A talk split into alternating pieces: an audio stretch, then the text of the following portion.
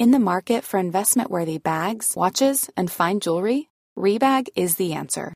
Rebag is a luxury resale platform where each piece is carefully inspected by experts to ensure quality and authenticity. Use Rebag to buy and sell finds from the world's top brands, including Louis Vuitton, Chanel, and Cartier. Head to Rebag.com to get 5% off your first purchase with code REBAGNEW. Shop today at Rebag.com. That's R E B A G.com. And use promo code REBAGNEW for 5% off your first purchase. This Mother's Day, celebrate the extraordinary women in your life with a heartfelt gift from Blue Nile. Whether it's for your mom, a mother figure, or yourself as a mom, find that perfect piece to express your love and appreciation. Explore Blue Nile's exquisite pearls and mesmerizing gemstones that she's sure to love. Enjoy fast shipping options like guaranteed free shipping and returns. Make this Mother's Day unforgettable with a piece from Blue Nile. Right now, get up to 50% off at BlueNile.com. That's BlueNile.com. Hey, I'm Ryan Reynolds. Recently, I asked Mint Mobile's legal team if big wireless companies are allowed to raise prices due to inflation.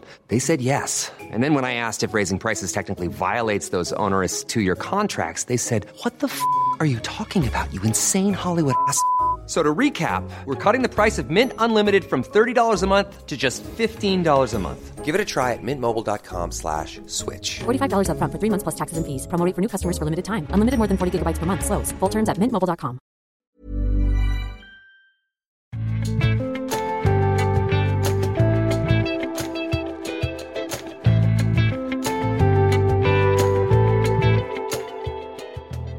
Denne ukens episode av Tore og Tarjei spilles inn eh, på et sted jeg aldri har eh, vært før. Vi er faktisk hjemme hos eh, ekteparet Bollestad på Ålgård i Rogaland. Takk for at jeg får komme hit. Bare hyggelig. Bare kjekt. Ja, det er veldig fint. Og det er gøy at dere er med eh, begge to.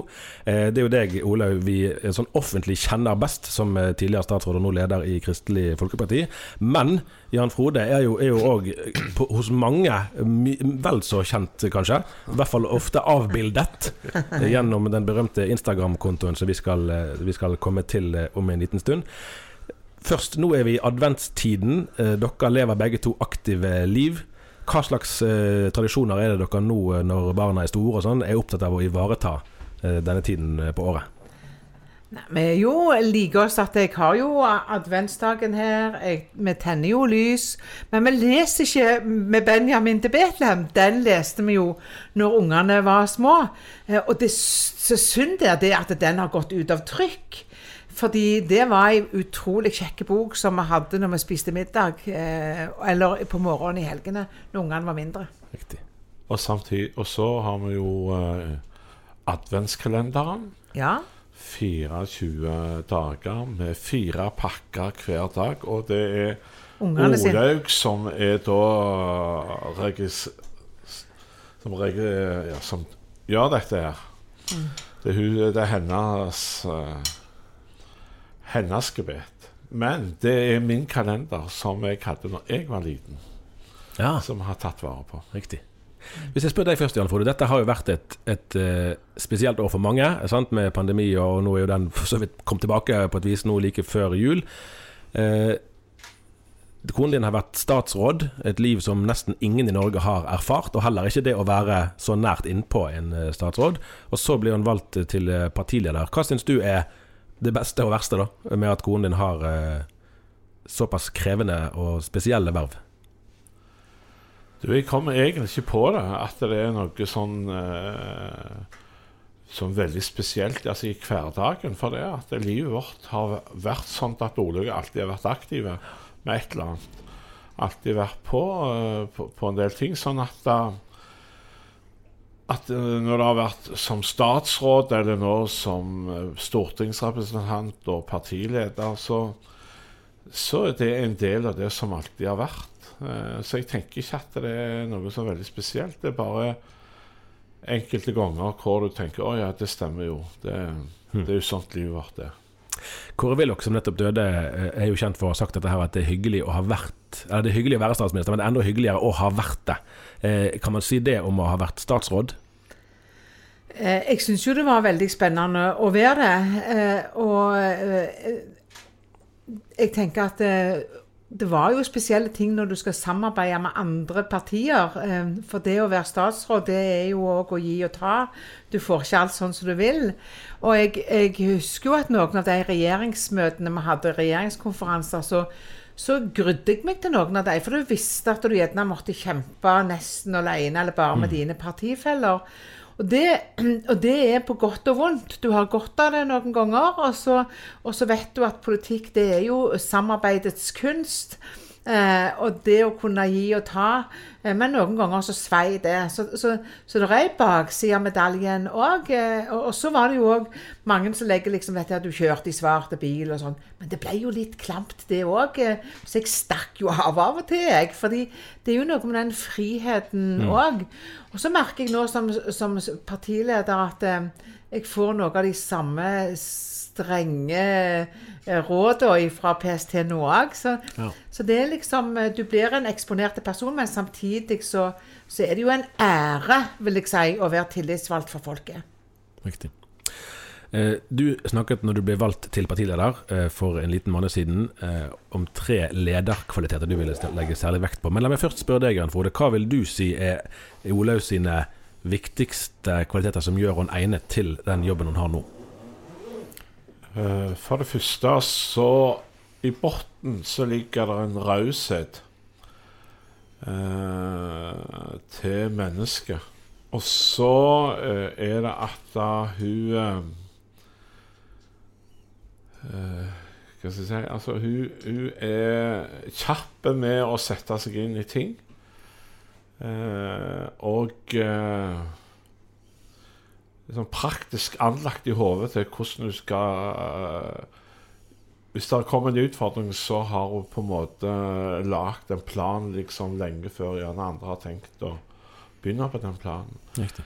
Eh, men raushet og, det å kunne tenke ikke bare her og nå, men òg eh, hva vil skje om ett år, hva vil skje om to år? Altså det å tenke langsiktig. Det, det å samtidig være til stede. Det er der det skjer. Det du sjøl trakk frem der, Olaug, det var så vidt jeg noterte. da. Eh, Å le og ha det kjekt sammen, det var punkt én. Eh, Å dele erfaringer og lytte til hverandre. Og å fremelske nye talenter. Det var ting som ville være særlig viktig for deg som KrF-leder. Hva var det som gjorde at, du, at det var de tre tingene du ville trekke frem? Fordi at jeg deler ordet ledelse opp i le. Eh, altså det å ha humor, ha det kjekt, trives på jobb, eh, det mener jeg er kanskje noe av det viktigste. Og så eh, dele Du vet, jeg har jo mer erfaring på utsida av politikken enn på innsida av politikken. Dele av ledererfaring, men òg dele menneskelig erfaring. Vi er jo folk. Fordi om du eh, skal lede, og jeg bruker jo også ordet lagleder, for det er mange som kan være med. Og så handler det om å se. Se talenter. Og, og, tørre å bygge på de talentene, da. Og jeg, jeg har jo ett eksempel der jeg husker eh, ei unge kvinne som var, ble rådgiver av min i stortingsgruppa. Og så eh, fikk hun mer og mer ansvar. Så dro jeg med meg som, som eh, statssekretær. Og så var hun gravid. Hun var høygravid. Vi gikk inn i regjering 22.1. og Hun eh, venta barnet sitt i begynnelsen av april. Mm. men, og mange liksom, Jeg fikk kritikk liksom, for det. Men da tenkte jeg nei, vet dere hva? Hvis vi skal ha plass for kvinner, så er det faktisk kvinner fortsatt som bærer fram unger. Og da er det piska trø helt riktig, og, og, og satse på de selv om de er gravide. Og det handler om å se.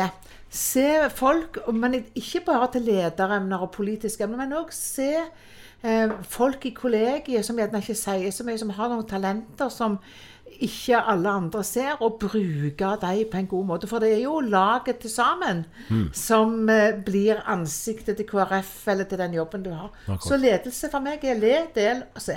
Jeg følger opp litt det, for i, i eh, boken som kom som eh, BT-journalist Kjersti Mjør eh, førte i pennen, men, men det er din historie som kommer frem, så, så forteller du litt om prosessen rundt ledervalget i KrF forrige gang, etter at Knut Arild Hareide hadde gått av. Så skriver du at eller hun, du sier at flasketuten i partiet hadde i flere år pekt på Kjell Ingolf som kronprins. Jeg har lurt på hva du mener med det med den flasketuten. Hva var det for noe? Og så har jeg litt i bakhodet da at du skriver også i samme, i samme avsnitt om at man som kvinne og som voksen kvinne må være ekstra Altså det, var, det er lengre vei, da. eh, til toppvervet. Ja, Er det ja. en sånn dynamikk inne i det med flasketuten? Eh, eh, hvis jeg skal ta det siste først, hvis jeg får lov til det. Så, så det å være kvinne, så, så har jo KrF en historie i at vi lot kvinner og jobba for at kvinner skulle få lov til å stemme til stortingsvalget ganske tidlig. Men vi har, jeg er den første kvinnelige parlamentariske lederen i KrF. Eh, og jeg er den andre kvinnelige partilederen. Vi har mest kvinnelige medlemmer. Og vi har mest kvinnelige medlemmer eh, i en litt voksen alder.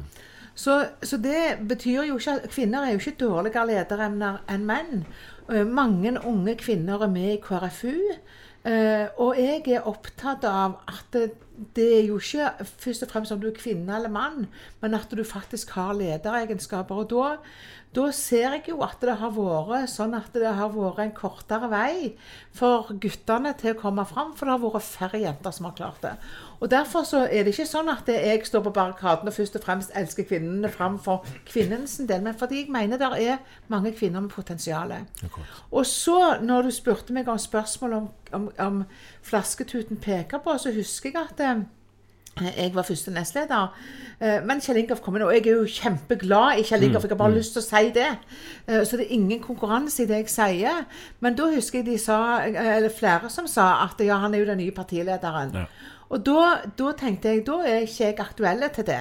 Og, og det Og vi vet jo aldri når vi peker så tidlig hva konsekvenser eller hva det blir. Eh, og jeg tenker at, at vi må til hver tid velge den lederen vi mener skal være leder til enhver tid. Og jeg er iallfall opptatt av at ingen av oss eier taburettene i KrF. Ei heller jeg. Eh, og jeg, jeg kan ikke sitte Det er faktisk demokratiet i partiet som skal være med å velge det. Og hver tidsepoke trenger ulike typer personer. Men jeg er veldig opptatt av at eh, vi må iallfall ikke mm, peke på folk eller diskriminere folk fordi det er kvinner. De kan være med på, på, på den jobben. Og, og jeg tror at vi gjenspeiler litt av det vi gjerne ser i andre sammenhenger òg. At kvinner er, jo ofte også veldig pliktoppfyllende. Mm. All ledererfaring sier jo at eh, kvinnene er jo opptatt av at de skal kunne alt 100 Og så altså, er, er mennene opptatt av klarer vi 75, så får vi resten i bonus. Eh, og, og, det, eh, og det å på en måte elske fram jenter med god, god kvalitet, som, som samtidig kan slappe litt av og si at du er faktisk mer, Mer enn- enn god nok sånn som du er. Akkurat. Har du Jan, opplevd det eh, altså urettferdig noen ganger at konen din har eh, altså At hun har ikke fått eh, den plassen som hun hadde fortjent, eller som hun kanskje hadde fått hvis en mann av samme kvaliteter hadde vært der? Ikke plassen som hun har fått øh, Ikke fått øh, som fortjent, men, men jeg har vært opptatt av at det må være plass, mye mer plass for kvinner. Eh, derfor så, Fordi at jeg selv I det jeg har vært oppvokst til, så var det mennene som alltid fikk posisjoner. Eh, og, og, og kvinnen ble alltid satt til side. Derfor, så når Ole begynte i politikken og når hun begynte å jobbe, så har jeg alltid heia på henne. Eh, ikke bare fordi at hun er kvinne, for det er også ganske viktig å si, men fordi at uh, hun har en del egenskaper som er viktige i nettopp i en lederrolle. Så tenker jeg at da, da skal han ikke gjøre seg usynlige og si at nei, vær så god, ta den du heller. Da må en kunne være på barrikaden og, og si ja, dette kan jeg. Så jeg, jeg har vært med og heia på henne og sier dette kan du. Akkurat. Vi sitter nå i, i stuen deres, i huset der dere har bodd siden barna var små. Og, og som du beskriver, Jan hverdagen har egentlig vært ikke så forskjellige. Eh, fordi Olaug har vært så aktiv i, i mange år. Eh, men midt i, den, i en del av, av hverdagslivet deres har jo vært denne Instagram-kontoen, som etter hvert har enormt mange følgere. Det må vel være oppunder 100 000 nå. Eh, 103, tror 103 jeg faktisk jeg så vidt. i dag, Jeg visste du kom til å spørre om det. Hvis jeg spør deg først, Jan Frode, for her er, hvis jeg skulle tenkt liksom pressefaglig, da. Hva, i, hvilken medvirkning har du eh, i eh, publiseringen av eh, bilde og tekst? Ingenting. Nei, det var det jeg mistenkte. For det, det, for det vet, et poeng det er at rådgiverne har ikke tilgang til kontoen. Det er du sjøl, Olaug, som Ja, nei, kjører løpet det skjer at jeg må jo styre noe sjøl. og, og, og, og jeg har jo ingen baktanker med dette her. Det, det begynte i slutten av juni i 2019. Jeg var statsråd, jeg var i Troms. Og, og, og hadde vært i Indre Troms i sammen med Vidar Skogan, som var statssekretæren min, og ei kommunikasjonsrådgiver fra departementet. Og så bor jo ø, Vidar der oppe, så han var igjen, og, og, og vi skulle kjøre alene til flyplassen. Og da, han trodde jo ikke vi hadde vært ute og reist alene i hele tatt, så han sa dere kjører til høyre og til høyre i rundkjøringa, så kommer dere til flyplassen. sant? Og så tullte jeg jo litt med det først, og screenshotta noen sånne bilder av kart og sendte 'Vet du hvor jeg er nå?' hen og sånn. Og da var det jo helt du, du, Jeg sa du skulle ta til høyre, sa han, og så var jeg jo langt ute på Kvale. Det var jo bare tull. Og det var i, den, det var i det han sa jeg spurte hun rådgiveren fra kommunikasjon da kan du hjelpe meg, jeg aner ikke hvordan jeg får bilder. Det er så mye fint fra denne messa. Eh, kan du, du hjelpe meg å få bilder ut på, på Instagram? Og det fikk jeg. Det var en plussgreie som så jeg skulle trykke på. Men det er jo ennå sånn at hvis det, hvis det lyser sånne røde prikker, så vet du ikke hva det er. Eller hvis de spør meg om kan du tagge, ikke snøring. Så det har jeg ikke peiling på. Så det er kun bilder jeg legger ut. Og jeg kan ikke holde på å ta en haug med bilder. For det gidder jeg ikke. Å regissere, regissere bilder, hva er det det heter? Det kan jeg, det kan jeg ikke.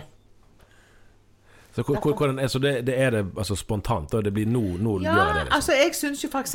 når vi sitter de Se fredag eller lørdagskvelder. Fredagskvelder er jo ofte sånn i stolen. Jan Frode på gulvet. Og så har jeg fyrt i jogen, så han ligger i baris på gulvet fordi at han er dødtrøtt, og det er fredag. Vi kjenner oss jo igjen i det. Jeg er trøtt og kommer hjem. Så sovner han jo. Og da syns jeg det er galmorsomt, for hodet begynner liksom Først så ligger han og ser på fjernsyn, og så går hodet litt ned, og så går det litt ned, og så går det enda mer ned. Og da kan jeg fylle det bildet, for jeg sitter i stolen på sida.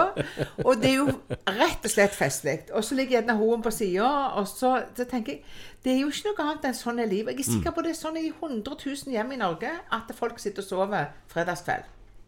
Og her, her har det jo skjedd noe interessant i Det er jo forstått ikke nytt i norsk politisk debatt de senere årene, med at vanlige folk er blitt et sånn her eh, Jeg vet ikke helt hva vi skal kalle det for. Uttrykk.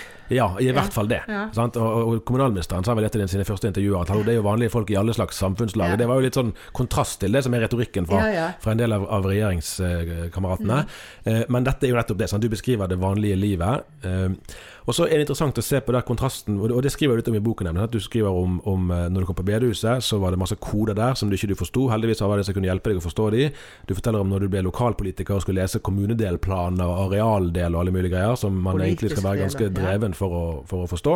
Og så viser du til, til opplevelsen som helsefagarbeider på sykehuset når legen har vært på visitt hos pasientene, og pasienten lurer på hva i all verden var det egentlig legen fortalte, for man forstår ikke Ja. diagnosene og sånn.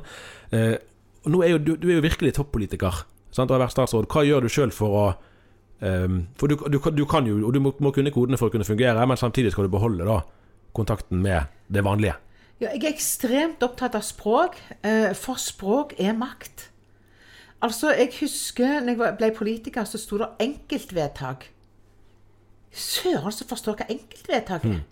Sant? Eh, Og iallfall ikke den eldre, gamle kona som får beskjed om at vi har gjort et enkeltvedtak på deg. Er jeg så enkel? var det ei gammel kone som spurte meg. sant? Eh, Eller når pasientene lå med klinkekuleøyne og forsto ingenting, og jeg da som intensivsykepleier gikk med, med tegneblokk og blyant og, og, og tegnte og fortalte hva legen egentlig sa. Eh, og så har du i bedehussammenheng Jeg husker jeg var livredd for noen av tekstene. Fordi jeg tenkte jo på far min, som ikke var kristen, Ja, ja. og tenkte herlighet, han får ikke være med til himmelen, han. Da er det bedre jeg er med han. Sant? Fordi, og da, da var jeg, jeg har blitt opptatt av i politikken at språk skaper makt. Og selv om jeg kan kodene, så må jeg snakke et språk som folk forstår. Og noen ganger så blir jeg til og med beskreven av, av eh, kollegaer eller andre som om jeg er enkel, fordi om jeg snakker et enkelt språk. Og det er jeg altså ikke. Jeg forstår koden. Men jeg vil at folk skal forstå hva politikk er det vi driver, og hvorfor gjør vi det. Og hvorfor mener jeg det? Og det, hele vitsen for meg å være i politikken er jo at folk skal være med og forstå at dette handler om deres hverdag. Akkurat. Det er det det handler om. Derfor er jeg opptatt av språk. Og, og legen ble jo stående fire meter over senga, han. Og pasienten ble bare mindre og mindre i det språket. Politikerne ble langt oppe og folk nede. Og presten ble jo uangripelig. Og folk nede. Derfor er jeg opptatt av dette. eh, dere har begge bedehusbakgrunn. Eh, og du skriver litt i boken òg om, om eh, eh, altså det, hvordan Folkets hus og bedehuset var en slags sånn gjensidig utelukkende størrelser. Nå er vel ikke det like konkret aktuelt, i hvert fall ikke i samme grad da, eh, som før. Men det der med å, å ha sånne inn- og utgrupper, det er vel ikke noen, noen fremmed problemstilling. Eh, hva, hva var det ved bedehuskulturen, tror dere begge to, som gjorde at man hadde behov for Du skriver til og med, det blir jo sånn komisk, sant? at man, det var lov å selge hotdog på bedehuset, men hamburger det forbandt man med idrettslagene, og der var det sånn dumme signaler, så det skulle man ikke ha. Så der gikk Det altså det virker jo helt absurd nå. Men hva slags tenkning var det egentlig som lå bak det der? Hvis jeg skal si for min del, først jeg, eh, så var det jo Altså, jeg vokste jo opp med en far som var fagforening, så han kjente jo Folkets hus godt. em, og mor var frelsermenn og bedehusdame. Så tror jeg at bekymringen og avstanden var stor, for det var jo dans. Det var jo masse andre aktiviteter på Folkets hus. Og denne skillet mellom bedehus og, og, og redd for å falle fra og alt dette her. Mens hvis jeg skal si den brubyggeren far min var oppi dette, sant? for han var en god brobygger, og han ble kristen til slutt. Ja, Eh, Men han husker jeg sa Liv og lære, Olaug, må samsvare. Og det gikk òg andre veien. Han fortalte om folk fra bedehuset som lånte, lånte verktøy på stålverket, og så leverte de det aldri tilbake igjen. Sant? Altså, eh, den der liv og lære er viktigere enn skille. Eh, du kan være kristen og være på Folkets hus, og du kan gå på Folkets hus og gå på bedehuset. sant? Eh, jeg kunne være med og spille håndball, selv om det var ganske krevende for noen i bedehuset. Eh, og i dag er det heldigvis annerledes. Vi som kristne eh, Jeg er ekstremt opptatt av det. Vi er akkurat så vanlige folk, men vi har en pilar i livet vårt som, som er trua. Og jeg vil gjerne være en del av livet ute blant folk, og så har jeg et anker i den forsamlingen jeg hører til. Akkurat. Apropos det, forresten. Vil, du, vil du først si noe om bedehuskulturen? For jeg har et spørsmål til deg etterpå. Ja, jeg eh, Jeg er oppvokst med ei mor som var kristen, og far som ikke var. Og dermed så eh, fikk jeg den balansen med å, eh, være en del av bedehusmiljøet, samtidig som jeg da begynte å sette en del sånn spørsmålstegn ved ting som skjedde. Fordi at da far ikke var i det miljøet Eh, altså Far likte godt å gå på fotballkamp. Det var jo egentlig synd å spille, altså drive med idrett. Eh, det skulle du ikke gjøre. Men far likte jo veldig godt det. Samtidig òg og uh, For meg så gjaldt det dette med sang og musikk. Hvor eh, når du kom på bedehuset, så var det en type musikkstil som var gjeldende. Og så når jeg da var hjemme, så likte far å høre på helt andre ting. Eh, og det gjorde jo at jeg da fikk den der en... Ja, jeg fikk litt forskjellig som, som har satt preg på meg. Det er at jeg ikke helt godtok alt som ble presentert for meg. Nå tilgjengelig på New Faith Network, filmen The Prayer Box. En inspirerende film om en ung gutt som gjør alt i hans makt for å få Guds oppmerksomhet og hjelpe hans dødssyke søster. En vakker fortelling om tro, håp og kjærlighet. Se The Prayer Box nå på New Faith Network. Er du ikke medlem ennå? Abonner i dag og se de første 14 dagene gratis. Besøk newfaithnetwork.no. Nå er det ikke noe, du er ikke den første KrF-lederen som er frikirkelig, men det vanligste har jo vært at det gjerne er lutherske, kanskje til og med teologer noen ganger. Ehm, og så leste jeg i, i boken om, om bakteppet at det er jo egentlig ikke en veldig lang historie der, og det var for så vidt en litt uh, snedig bakteppe der du, Jan Frode, bestemte deg for at nå melder jeg meg ut av Norske kirke. Og det var ikke konen så veldig begeistret for, egentlig. Men sånn ble det, og så ville dere engasjere dere lokalt her på Ålgård, og da ble det Baptistkirken. Men bare si litt om hva som gjorde at du eh, tenkte at nå fikk nok være nok. Det var fordi at da jeg eh, Jeg er oppvokst i Misjonssambandet. Mor mi var aktiv i Misjonssambandet, og besteforeldrene mine var det. Eh, og jeg hadde en del diskusjoner med mor mi med hvorfor Hvorfor, du, hvorfor hører du til kirka? Hvorfor eh, tar ikke Misjonssambandet og melder seg ut av kirka? For dere bruker jo ikke kirka. Det er kun under begravelse og Og bryllup, eh, da er kirka gode. Da kan dere gå der. Men likevel så er dere ikke der. Mor mi hadde aldri noen gode svar til meg. Og det gjorde at jeg alltid hadde det der spørsmålet til henne. Eh, eh, så kan det gjerne være litt sånn provoserende sånt i eh, ungdomsalder å gjøre det. Men det, det var liksom et oppriktig spørsmål. Mange år etterpå, altså når jeg da var godt voksen så, så her på Ålgård hadde vi engasjert oss i kirka, og så begynte vi å gå i bedehuset. Og så skulle det velges ny biskop. Eh, og så fikk alle uttale seg om hvem de ville, og alle pekte mot én person. Og så ble en helt annen person eh, ansatt. Og da tenkte jeg nei, hvorfor? Eh, hvorfor skal jeg da være med i dette her? Og jeg tenkte at det, er bedre at jeg går ut av kirka, og så slipper de ha, ha meg med som alltid den der som uh, er kritiske og stille. Så, så får jeg heller finne en annen plass som passer bedre for meg. Og da kommer igjen dette her. Og så hadde vi òg Et annet bakteppe var at uh, når vi gikk på bedehuset, så hadde vi ønske om å være på bedehuset. Ikke å holde oss til bedehuset, mm. og ikke forholde oss til kirka. Ikke det at vi hadde noe vondt med kirka, men slippe å gå to plasser. Vi ønsket å være på én plass. Eh, og de to tingene der da, det gjorde at jeg til, kom til det punktet at jeg eh, ville melde meg ut. Og så tenkte jeg at jeg, eh, der skulle jeg være. Jeg skulle være et ingenmannsland, for jeg fant ikke noe eh, plass å være.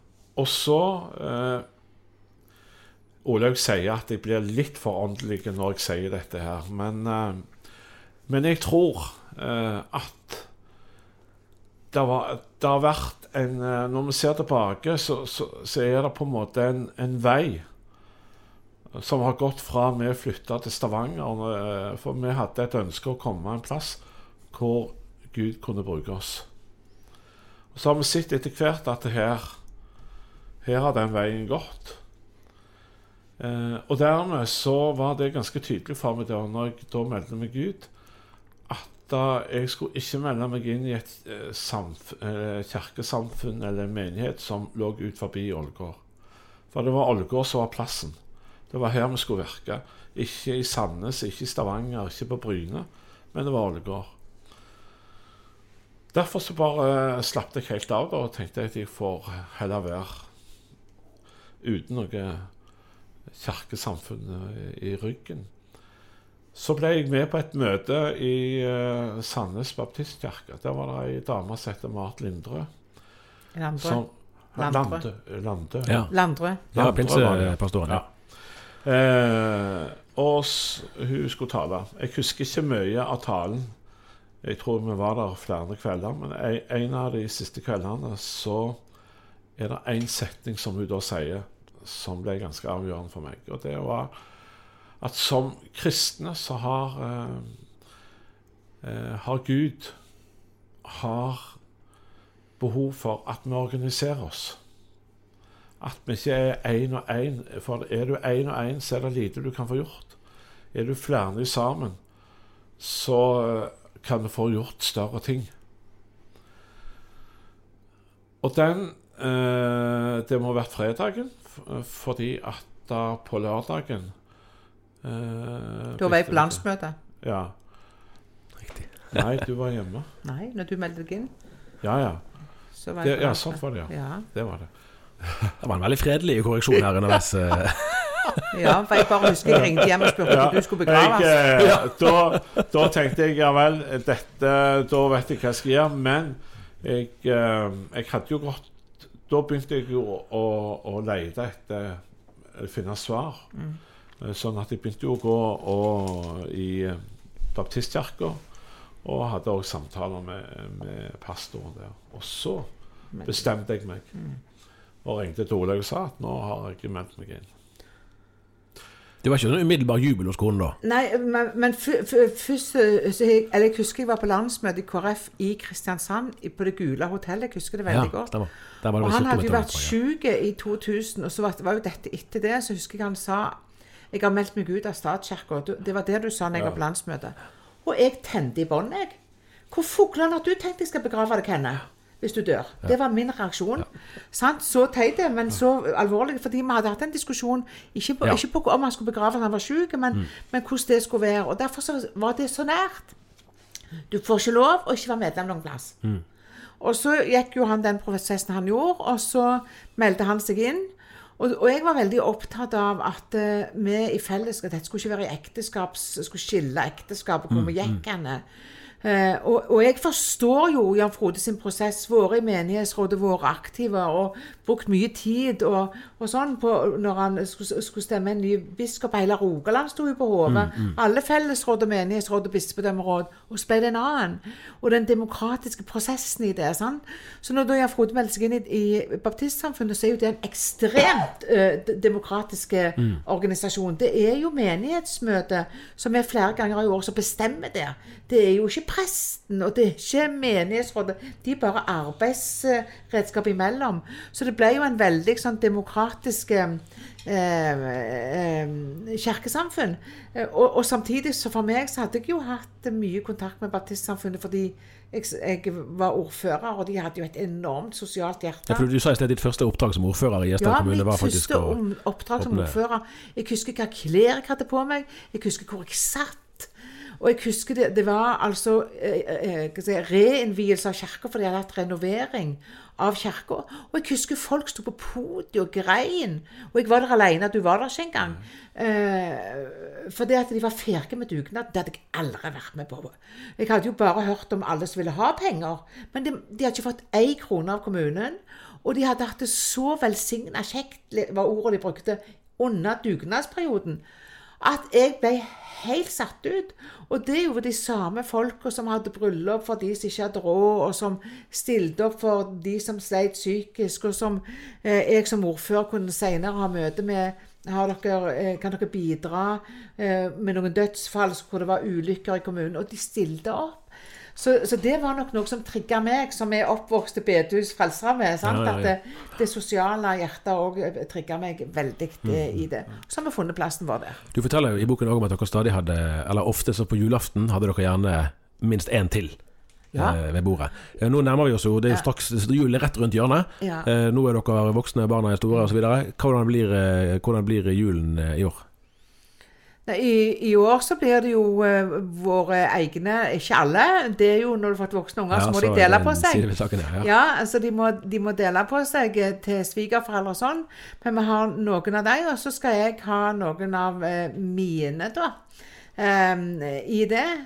Eh, og så sitter jeg jo og vet at jeg har både ei gammel på en sykehjem som pleier å være her, men hun er nå så senil at nå er det ikke rett å ta henne hjem her. Så vi må opp og besøke henne der hun er, for ellers så blir det bare verre for henne. Og det samme ei gammel tante som jeg har hatt. Men i år så vet jeg ikke Kommer det noen, så kommer det noen i år òg. det har alltid vært sånn. Jeg har hatt folk som har kommet ramlende inn dørene samme dagen eller dag. Ingen, ingen som jeg får vite skal være alene. Det er poenget mitt. Ja, ja. Eh, og, det, og det har jeg vokst opp med. Eh, og det var litt uvant for Jan Frode i begynnelsen, men jeg er ekstremt opptatt av det. Nettopp. Her er det mange flere spørsmål vi kunne ha stilt, men nå er faktisk tiden vår ute.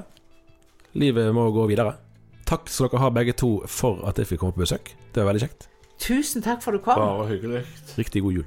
I like måte. like måte.